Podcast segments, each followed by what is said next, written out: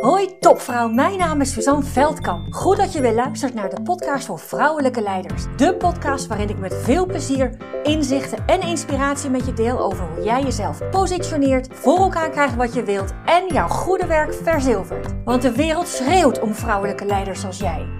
Ontdek hoe je tot in je tenen voelt wat voor een geweldige vrouw je bent. Hoe je op alle vlakken van je leven regie pakt. En natuurlijk hoe je dat allemaal positioneert zodat je jouw goede werk verzilvert. Inspireer anderen met jouw vrouwelijk leiderschap voor een gelijkwaardige wereld.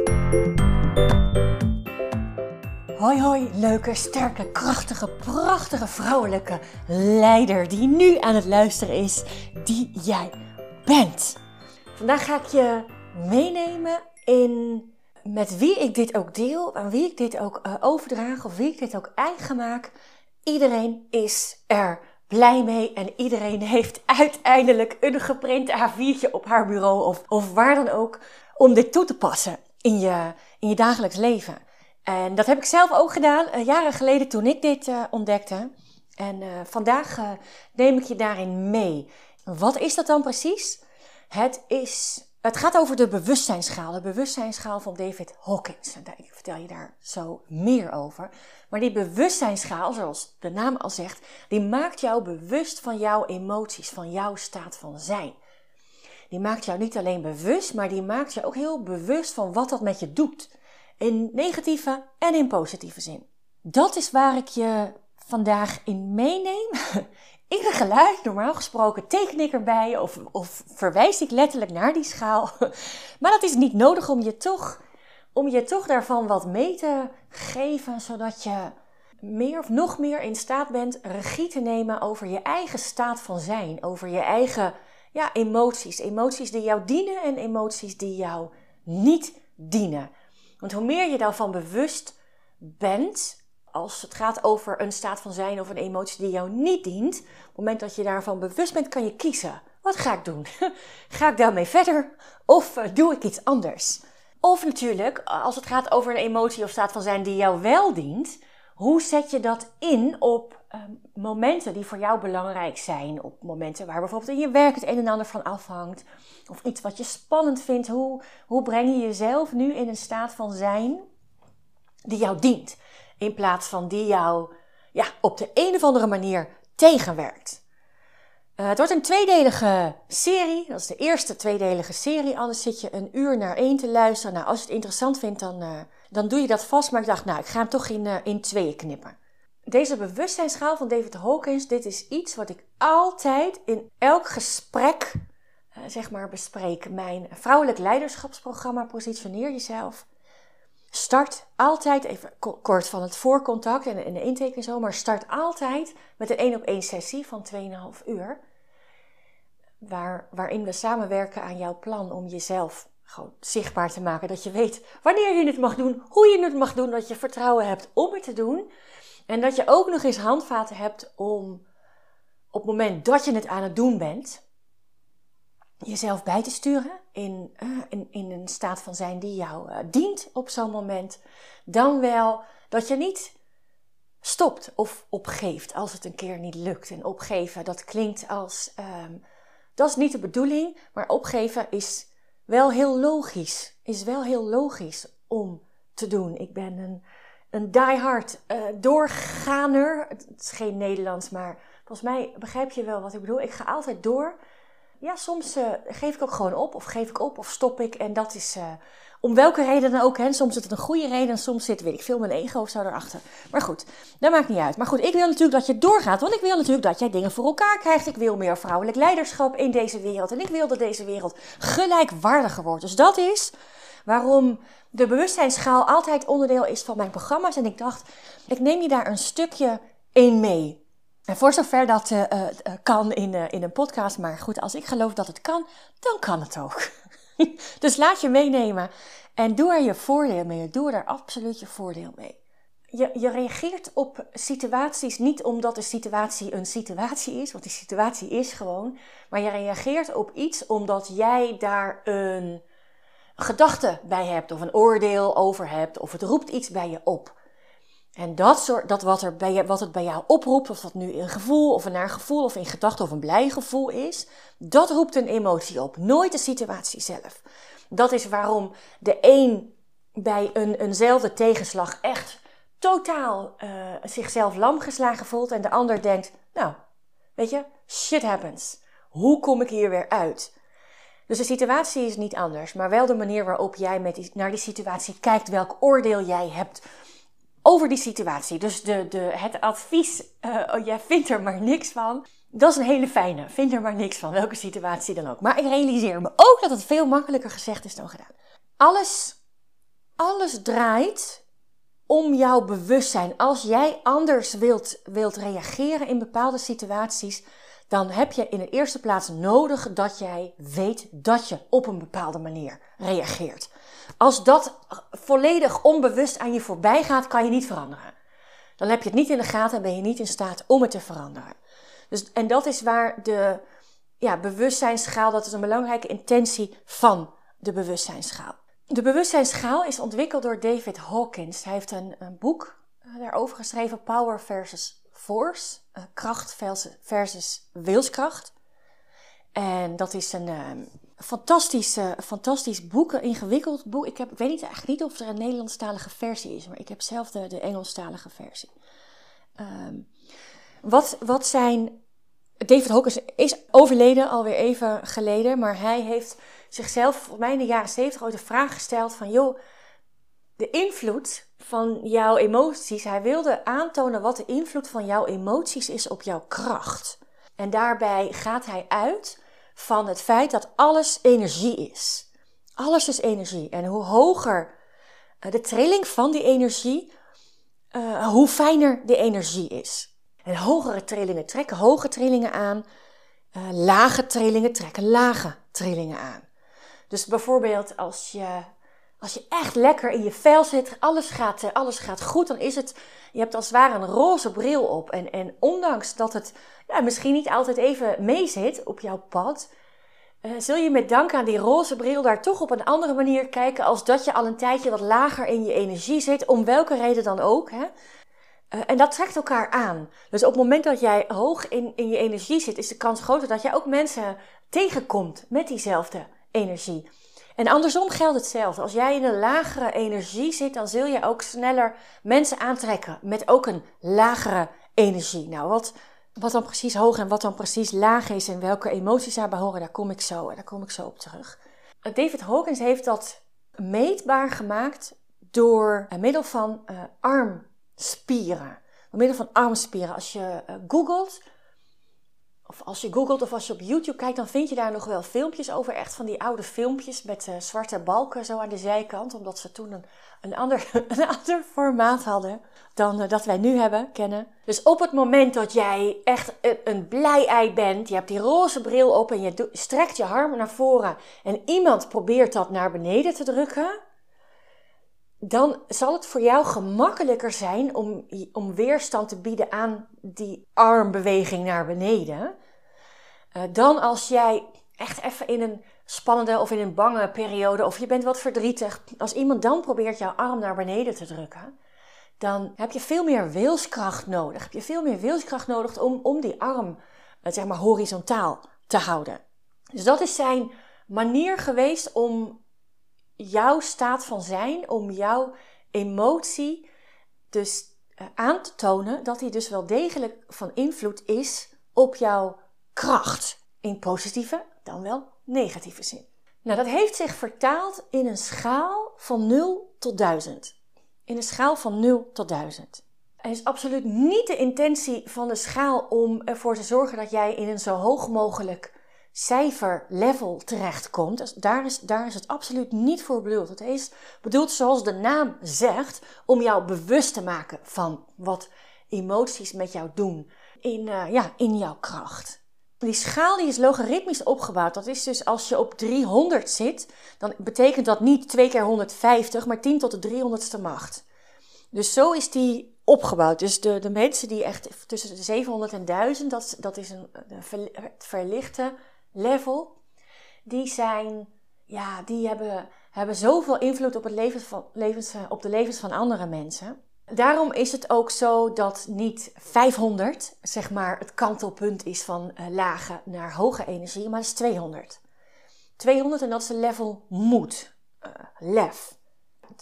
Iets is spannend, iets is uitdagend, iets stimulerend. En oh, in dit level heb je de energie om nieuwe dingen te leren.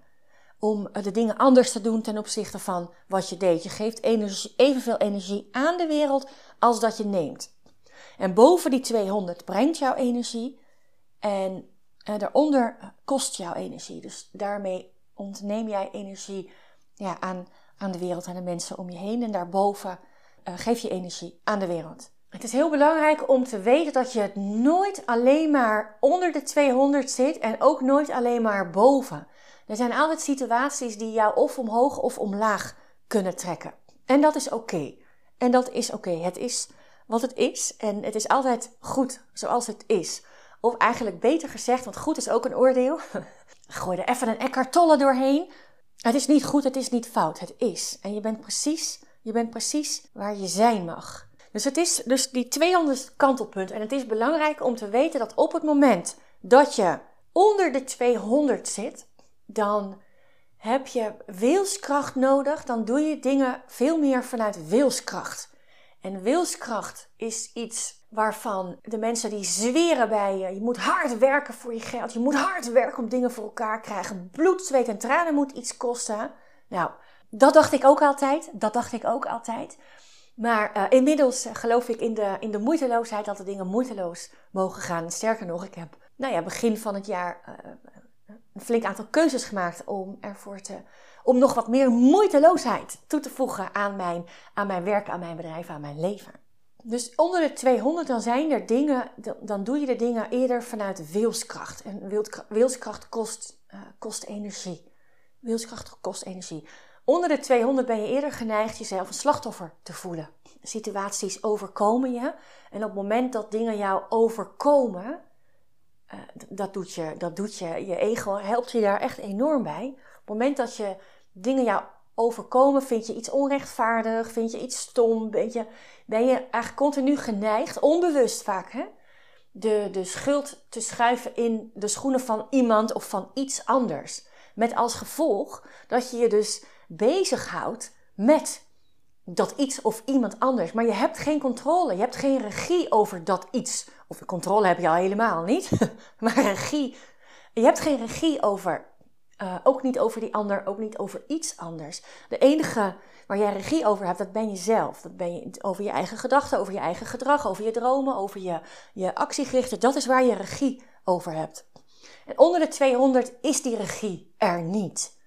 Dus dan zijn we geneigd om ook in iets te blijven hangen.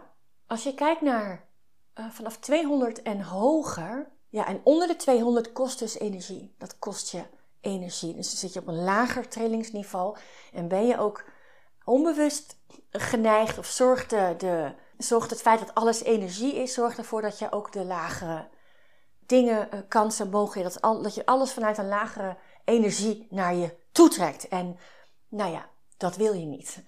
dat wil je niet. Als je kijkt naar boven de 200, ja, boven de 200, daar zit jouw kracht. Daar zit jouw kracht. Het, daar gaat het niet meer over de dingen overkomen mij. Nee, dingen gebeuren.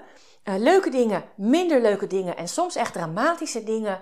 En het is wat het is. Je hebt niet de controle over over het leven. Je hebt niet controle over situaties. Die gebeuren, die zullen altijd gebeuren, maar je hebt wel regie over hoe jij daarmee omgaat en hoe je daar weer, weer, uh, weer uitkomt.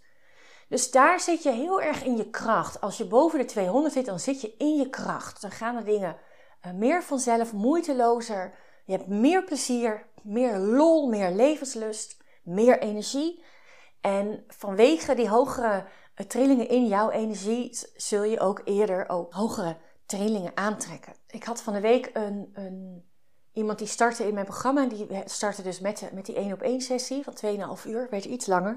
Het is zo, we waren zo goed bezig, konden niet meer stoppen. Zij leidde een IT-project. Een IT-project, ik zal de naam niet noemen, maar dat is uh, regelmatig in het, uh, in het nieuws geweest. En dan vooral in de zin van dat het niet goed ging met dat project. En dat het zo'n impactvol project is wat niet goed ging met allerlei vertraging. En zij werd op een gegeven moment eh, gevraagd om dat project weer in al die shit, al die rotzooi in goede banen te gaan leiden. En zij werd geadviseerd om dat niet te doen, omdat het uh, ja, echt zo'n draak van een gedrocht van een uh, project aan het worden was. En daar kan je, nou ja, dat kan dus ook gevolgen hebben voor jouw kwaliteit van werk. Zij heeft besloten dat wel te doen. En ze vertelde over de gesprekken hè, met allerlei leveranciers, toeleveranciers, opdrachtgevers, verschillende opdrachtgevers ook. Maakt het ook allemaal niet gemakkelijker. Zij zat daar, zij zit daar aan tafel en ik weet niet hoe ze dat doet.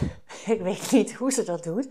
Maar aan het eind van zo'n gesprek weet zij dus elke keer weer, maar dit, dit traject was, was helemaal wel bijzonder, om het voor elkaar te krijgen, om de neuzen een, een vergelijkbare kant op te krijgen, om met elkaar weer te werken aan iets wat gewoon geregeld moet worden, wat gewoon opgeleverd moet worden, wat, wat honderden duizenden mensen uh, misschien wel ja, miljoenen mensen in een jaar gaan gebruiken. En dat is typisch zo'n gesprek waar dat kan je natuurlijk voorbereiden, hè? maar je weet niet, je hebt op, op zoveel dingen, als je dat gesprek leidt, als jij op een gegeven moment dat project overneemt, dan zijn er zoveel dingen waar je geen invloed op hebt. En op het moment dat je je daardoor angstig laat maken, ja, dan ben je niet meer de, de, de leider over dat gesprek, laat staan de leider over dat uh, project of uh, traject. Maar dat was bij haar gewoon niet het geval. Zij, wat er ook gebeurde in zo'n moment, en er gebeurden echt heel veel dingen die niet, die niet, die je eigenlijk niet wil om iets tot een goed einde te brengen. Maar zij is heeft altijd zoveel, ze laat zich, heeft dus, dus niet door geen enkele emotie of gedachte of wat dan ook uit het veld laten slaan, zodat zij continu in dat, in dat uh, gesprek, maar ook in, de, in dat hele traject, bij haar kracht bleef en altijd in staat was vanuit een overview, vanuit een helikopterview te bekijken, oké, wat zijn we nu eigenlijk allemaal aan het doen en wat is nu het allerbelangrijkste dat die en die en die en die of wij moeten gaan doen. Diezelfde, diezelfde vrouw diezelfde vrouw, die heeft soms gesprekken met mensen over als het over haarzelf gaat. Die heeft soms gesprekken met als het over haarzelf gaat, dan zit daar ergens diep van binnen zo'n zo'n angst. En geloof me, angst zit ruim onder de 200. Dan zit daar zo'n angst over. Kan ik dit wel voor mezelf doen? Die denk ik wel niet dat ik ben. Dat ik zo voor mijn eigen gewin bezig ben. Dat doe je toch niet? Dat hoort toch niet? Diezelfde vrouw, die is is dus in zo'n ene situatie volledig bij haar kracht. En in die andere situatie, als het om haarzelf gaat, als het om haar voor haar eigen gewin is, is ze totaal niet bij haar kracht. Dan is ze totaal niet bij haar kracht. Ik wil natuurlijk, ik wil natuurlijk, en dat wil zij ook, dat zij bij diezelfde kracht terechtkomt. Als dat ze daar die, die enorm ingewikkelde, onder een vergrootglas liggende trajecten aan het begeleiden is. Die kracht mag zij ook in gaan zetten voor zichzelf. Nou, dat is waar we natuurlijk mee aan de slag gaan. Maar dat is waarom het zo belangrijk is dat je je bewust bent van, uh, ja, van jouw eigen staat van zijn. Van wat er intern bij jou gebeurt. Merk dat ik nu. Ik ben nu volgens mij al meer dan 20 minuten aan het praten. Dus weet je wat ik ga doen? En dit wordt een cliffhanger. Ik ga deze, uh, deze podcast stoppen en ik ga verder in op de verschillende levels in de volgende podcast, in deel 2 van, deze, van dit onderwerp. En dan pak ik er uh, niet alles uit, want ook dat zou weer te omvangrijk worden. Maar dan pak ik er die dingen uit waarvan ik denk dat je ze het snelst kan toepassen in, jouw, uh, in je werk, in je leven, in je zijn zodat je, ja, zodat je zo dicht mogelijk, zodat het zo gemakkelijk mogelijk voor je wordt. Dat je bij je kracht komt, want dat is de bedoeling. Dat is de bedoeling. Die krachtvrouw, die er gewoon zit, hè. Die, dat voorbeeld wat ik net gaf, die kracht die ze zit er al. Die zit daarin, die zit in zo. Die, ze heeft nog veel meer krachten. Ik zei al tegen haar van nou, ik wil mezelf niet onderuit halen. Maar dat wat jij voor elkaar krijgt in die meetings, jeetje. Dat is mij, uh, ten eerste heb ik niet in zulke, zulke hete vuren gestaan. Maar uh, zij doet dat. Zij doet dat nu nog voor haarzelf. Nu nog voor haarzelf. En dat is waar het, uh, waar het over gaat. Want jezelf zichtbaar maken, jezelf positioneren, dat is jouw plek innemen. Dat is jouw plek innemen voor jezelf. Jezelf toestaan dingen voor eigen gewin te doen. En dat op zo'n manier te doen dat het zo dicht bij jezelf ligt. Dat het, ja, dat het onbewust gaat. Dat het onbewust gaat. Dat je onbewust continu ook bezig bent met Oké, wat wil ik? Wat is voor mij belangrijk? En dat kan natuurlijk gaan, wat is voor mij belangrijk om in mijn werk voor elkaar te krijgen wat ik wil. Maar ook, wat is voor mij belangrijk zodat ik de dingen doe waar ik energie van krijg, waar ik fucking goed voor betaald word. Waar ik, nou, wat je ook wilt, wat je ook wilt om uh, reizen te maken, elke dag uit eten, leuke dingen te doen, nog meer leuke dingen te doen met de kinderen. Uh, niet na, na hoeft te denken over waar je wel geld aan uitgeeft. Want uh, ja, dat mag uh, in overvloed naar je toe komen. Dankjewel voor het luisteren.